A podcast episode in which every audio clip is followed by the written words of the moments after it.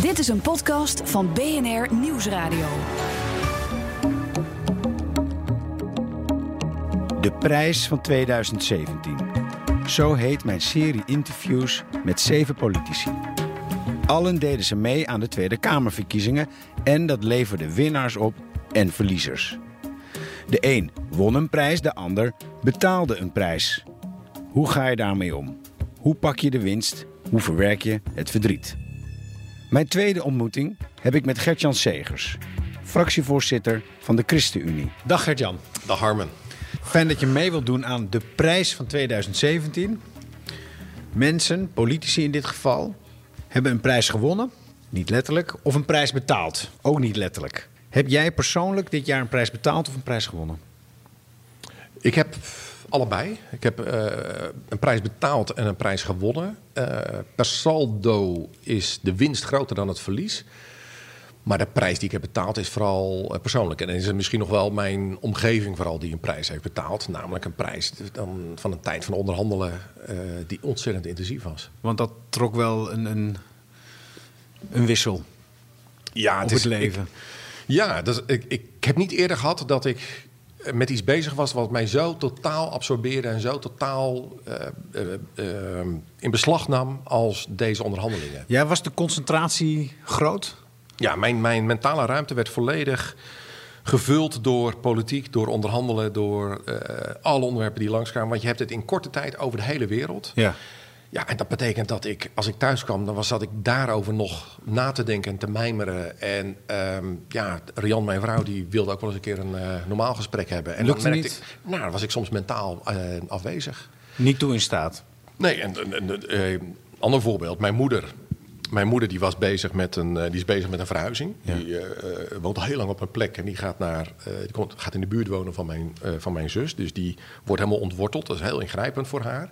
Mijn broers en zussen zijn daarmee bezig. We hebben een familie-app, een broers- en zus-app, waar alle informatie dan wisselt. En ik merk gewoon, ik, ik blokkeer dat. Ik, ik, ik reageer daar niet op. Gert-Jan heeft de groep verlaten, zo erg?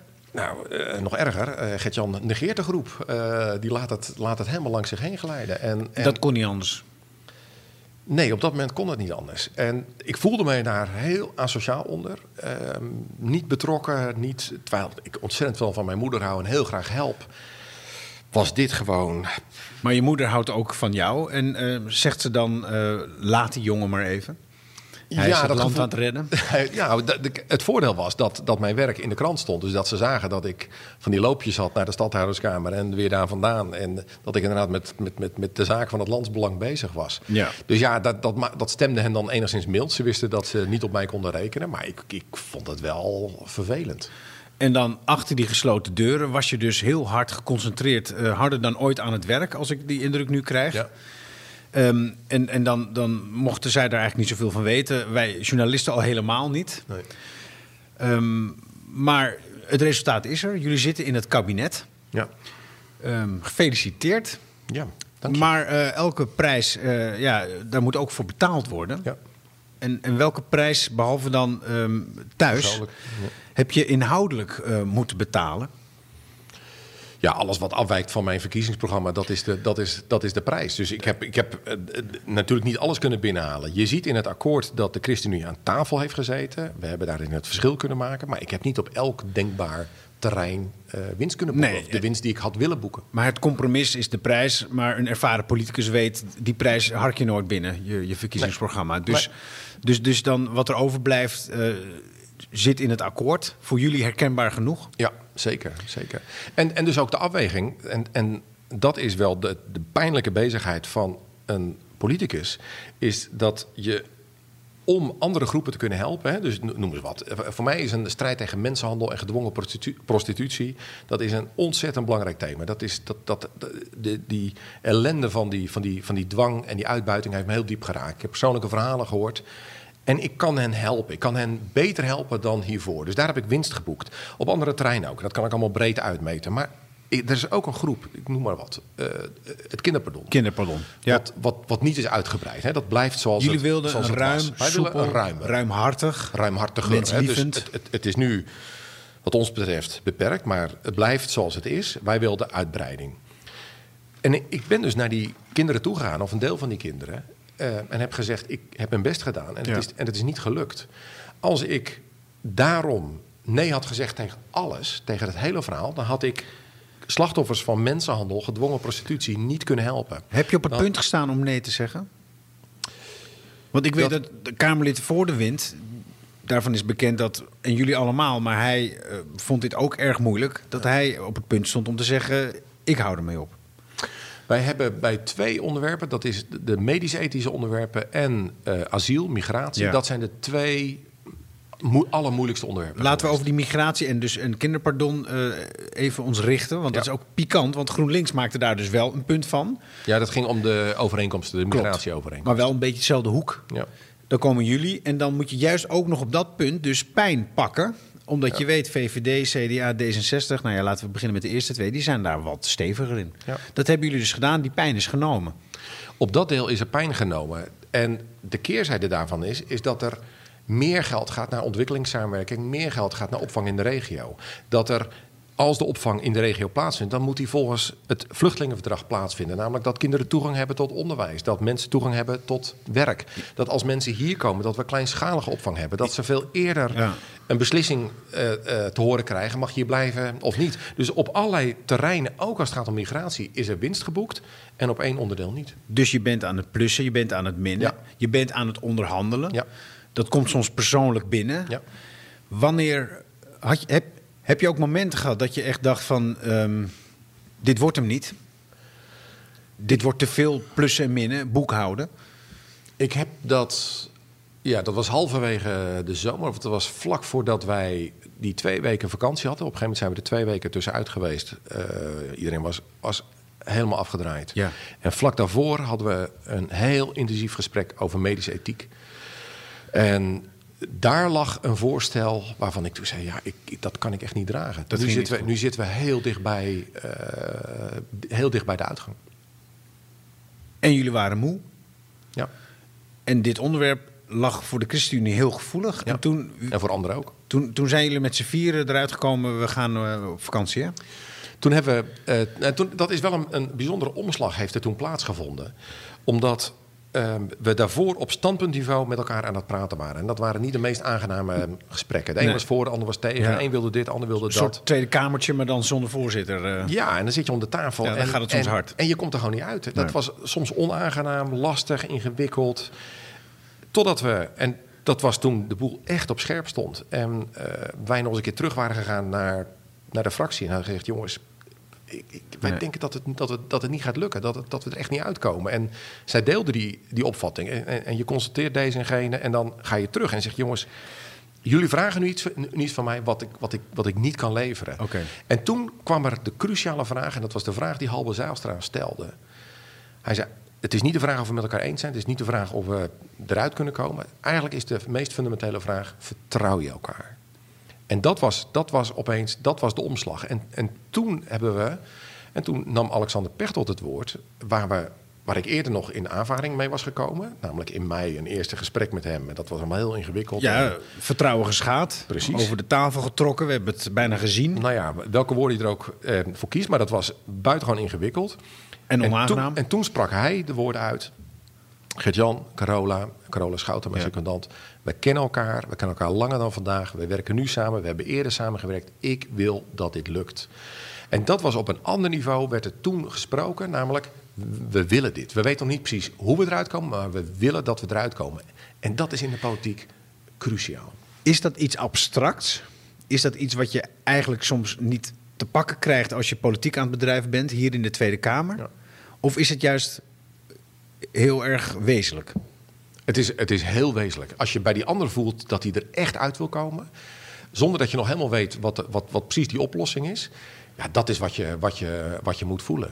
Want als die ander, als je het gevoel hebt, ja, maar die gaat mij pakken eh, zodra hij de kans heeft, of die is op zoek naar de uitgang. En, en, en, en, Wat in de politiek ook gewoon dagelijkse praktijk is kan, soms en in kan. het dagelijks leven. ja, maar ik voel bij deze combinatie, en dat is eigenlijk sinds die avond, sinds dat moment, voel ik dat er vier partijen om de tafel zitten die echt willen dat dit een goed kabinet wordt en dat we op een fatsoenlijke manier met elkaar omgaan en dat we elkaar kunnen vertrouwen. Heeft dit te maken ook met het trauma van ChristenUnie 1, zullen we maar zeggen? Dat uh, Rauwvoet werd eigenlijk verdrukt tussen de ruzie en de balken en, en Bos? Ja, dat was wantrouwen. Daar, daar was, ik, ik heb er niet met mijn neus bovenop gezeten. Nou, maar iedereen kon dat zien. Ja, en dat was. Dat en daar was, had de ChristenUnie-part nog deel aan. Nee, die zat daartussenin. En dat was vooral de PvdA en CDA die elkaar het leven zuur zaten te maken. Maar zijn jullie nu stevig genoeg? Jullie zijn sowieso met z'n vieren, dat scheelt. Maar zijn jullie stevig genoeg in die groep van vier om de vrede te bewaren, maar ook om echt jullie belangen behartigd te zien? Nou, wat ik uh, ja, ik denk dat, dat, dat er toen meer wantrouwen was dan wat er nu is. Ik denk dat er nu veel meer vertrouwen is tussen deze vier uh, partijen. En wat voor mij belangrijk was, dat was uh, de plekken die we daar op het kabinet, in het kabinet zouden kunnen innemen. In dit kabinet ook. De posten. De posten. Um, en de keuze om zelf, voor mijzelf, om in de Kamer te blijven zitten. Dus ik, ik, ik, ik wil uh, nou niet mijn handen vrij houden, want ik, ben, ik heb mijn handtekening gezet onder het regeerakkoord en dat staat. En daarna maar de Kamer. Ik, maar ik wil vanuit mijn hart kunnen blijven spreken. Ik wil gewoon kunnen vertellen waar de ChristenUnie voor staat. En uh, niet in het kabinet zitten uh, dat altijd met één mond spreekt. Dus dan moet ik eigenlijk in compromissen praten. Dan moet ik hele voorzichtige uitspraken doen, omdat ik namens drie andere partijen ook spreek. En dat wilde ik niet. En dat geeft mij wel de gelegenheid om te zeggen: ja, ik denk echt dat het een, een andere positie en een, dat we andere keuzes hebben gemaakt dan onder Balken en de Vier. Opvallend is dat toen de ChristenUnie eigenlijk niet echt is afgestraft. Ik geloof dat jullie toen een zeteltje verloren. Klopt dat? Ja. Peilingen wijzen nu ook weer aan dat jullie niet echt lijden onder, onder regeren. Terwijl heel veel regeren creperen. Kijk naar de, de Partij van de Arbeid. Die hebben dan. Nou ja, soms zijn zij nog Calvinistischer dan, dan de ChristenUnie. Hè? Het, het, het, het nemen van verantwoordelijkheid. Dat is iets wat jullie ook graag doen. Ja. Um, maar, maar, iedereen is kopschuw. Daardoor duurt het volgens mij ook zo verschrikkelijk lang, die onderhandelingen. Maar ja. jullie lijkt het niet zoveel te deren. Hoe komt dat? Nee, maar er zit ook, ook in onze achterban, en dat zijn soms ook de reacties die ik nu al krijg, dat, dat mensen er automatisch van uitgaan dat je dit alleen maar doet voor het plus. Dat je dit alleen maar doet omdat je heel graag in het centrum van de macht wil zitten. Nou, als je, als je heel graag een geriefelijk en comfortabel leven wil hebben, dan moet je niet in een kabinet gaan zitten. Want dat is soms ongelooflijk ingewikkeld. Maar op de een of andere manier is onze achterban um, heeft een groot verantwoordelijkheidsgevoel ook.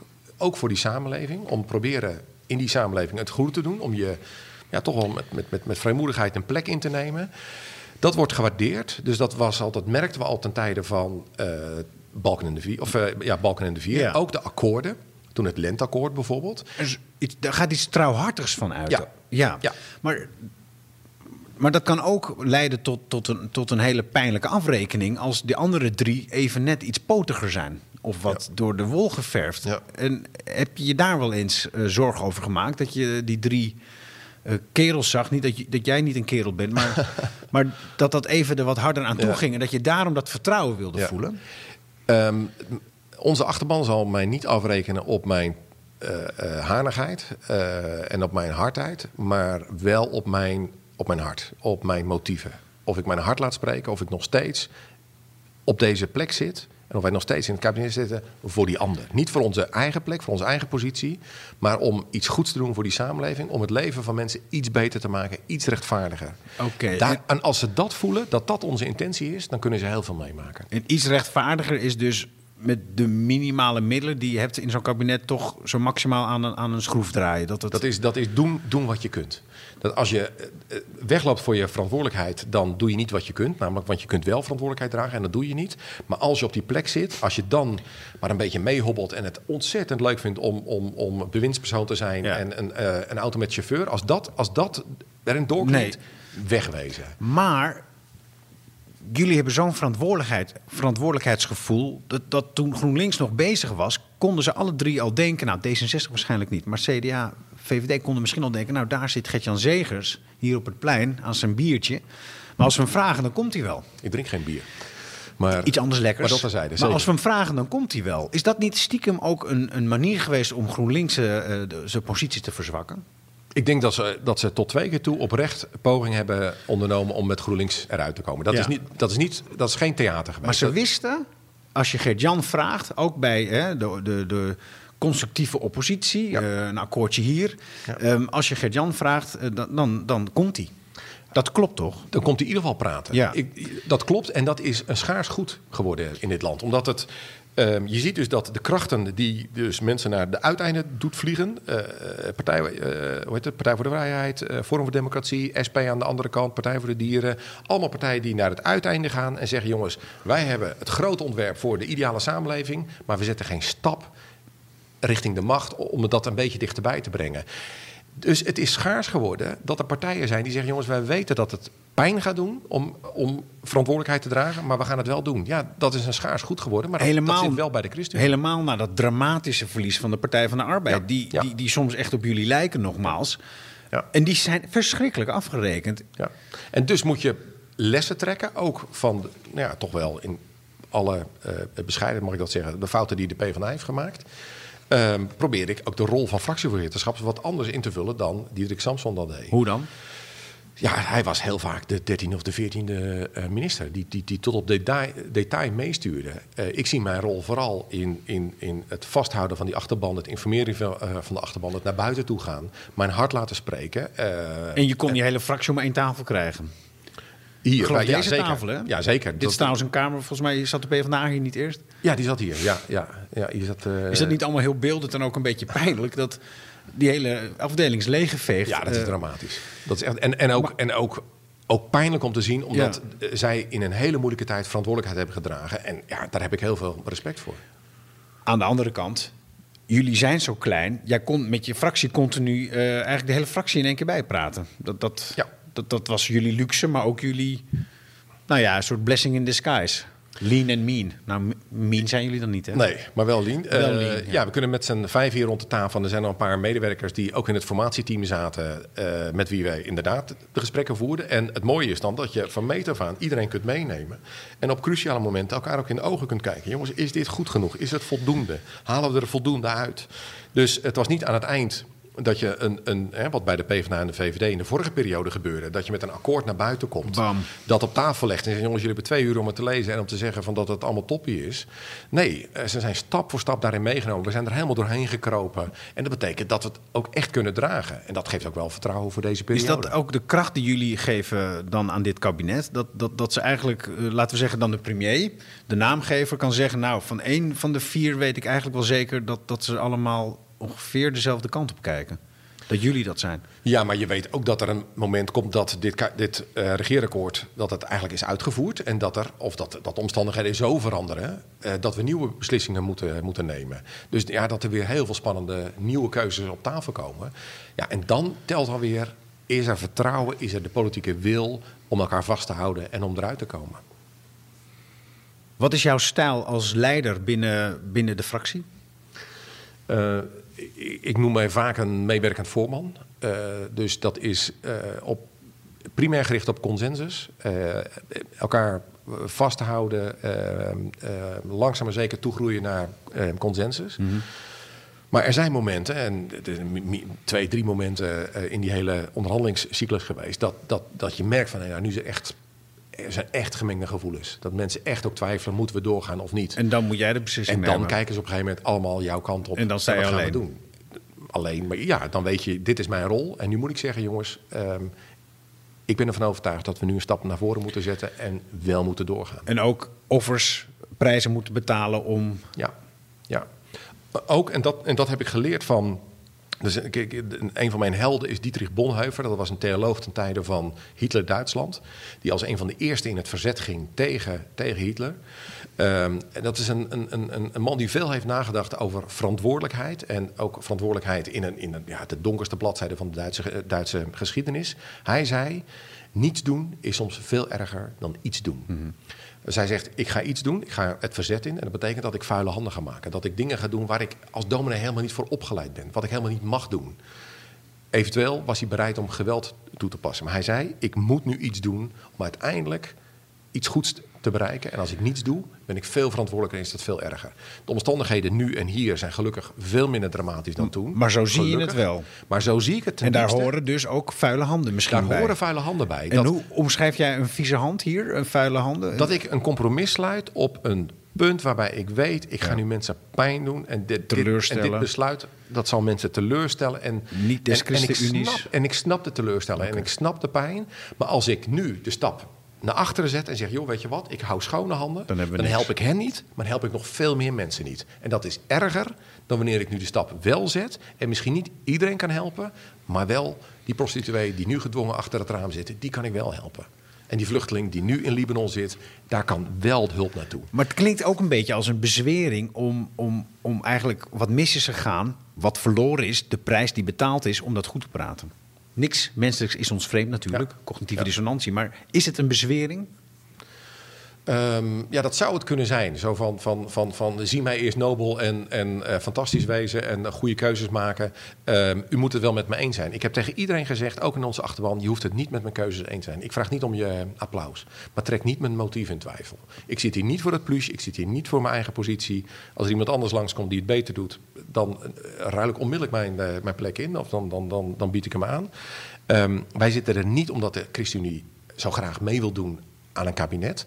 Als je belust bent op macht, dan moet je niet lid worden van de ChristenUnie. Wij zijn geen, geen machtspartij, maar wij zijn wel een partij met idealen. En als ik idealen dichterbij kan brengen door middel van kabinetsdeelname, dan ben ik een slecht politicus als ik dat niet doe. En ik wil een goed politicus zijn, dus ik doe het wel. En ook een goed mens thuis, die kan uitleggen waar al die offers eh, Ja. voor nodig waren. En dat we het eh, ook een beetje gaan inhalen. Dus de, de, de prijs die ik ook in persoonlijk opzicht heb betaald. Namelijk, ehm, ik ben er veel niet geweest en ik ben ook mentaal afwezig geweest. Ehm, ja, dat betekent bijvoorbeeld deze vakantie, deze kerstvakantie, dat wij een week weggaan met elkaar. En dat wij elkaar ehm, heel goed in de ogen kunnen kijken en heel veel tijd voor elkaar hebben. En ik probeer een heel klein beetje iets terug te betalen van eh, de prijs die ik hen heb eh, gevraagd te betalen. Nou, goede reis en veel plezier. Ja, dankjewel. Vond je het een leuk gesprek en denk je, doe mij de hele serie maar? Kijk dan op de BNR-app of op bnr.nl slash de prijs van 2017. En natuurlijk ben ik ook te vinden op Spotify en in iTunes.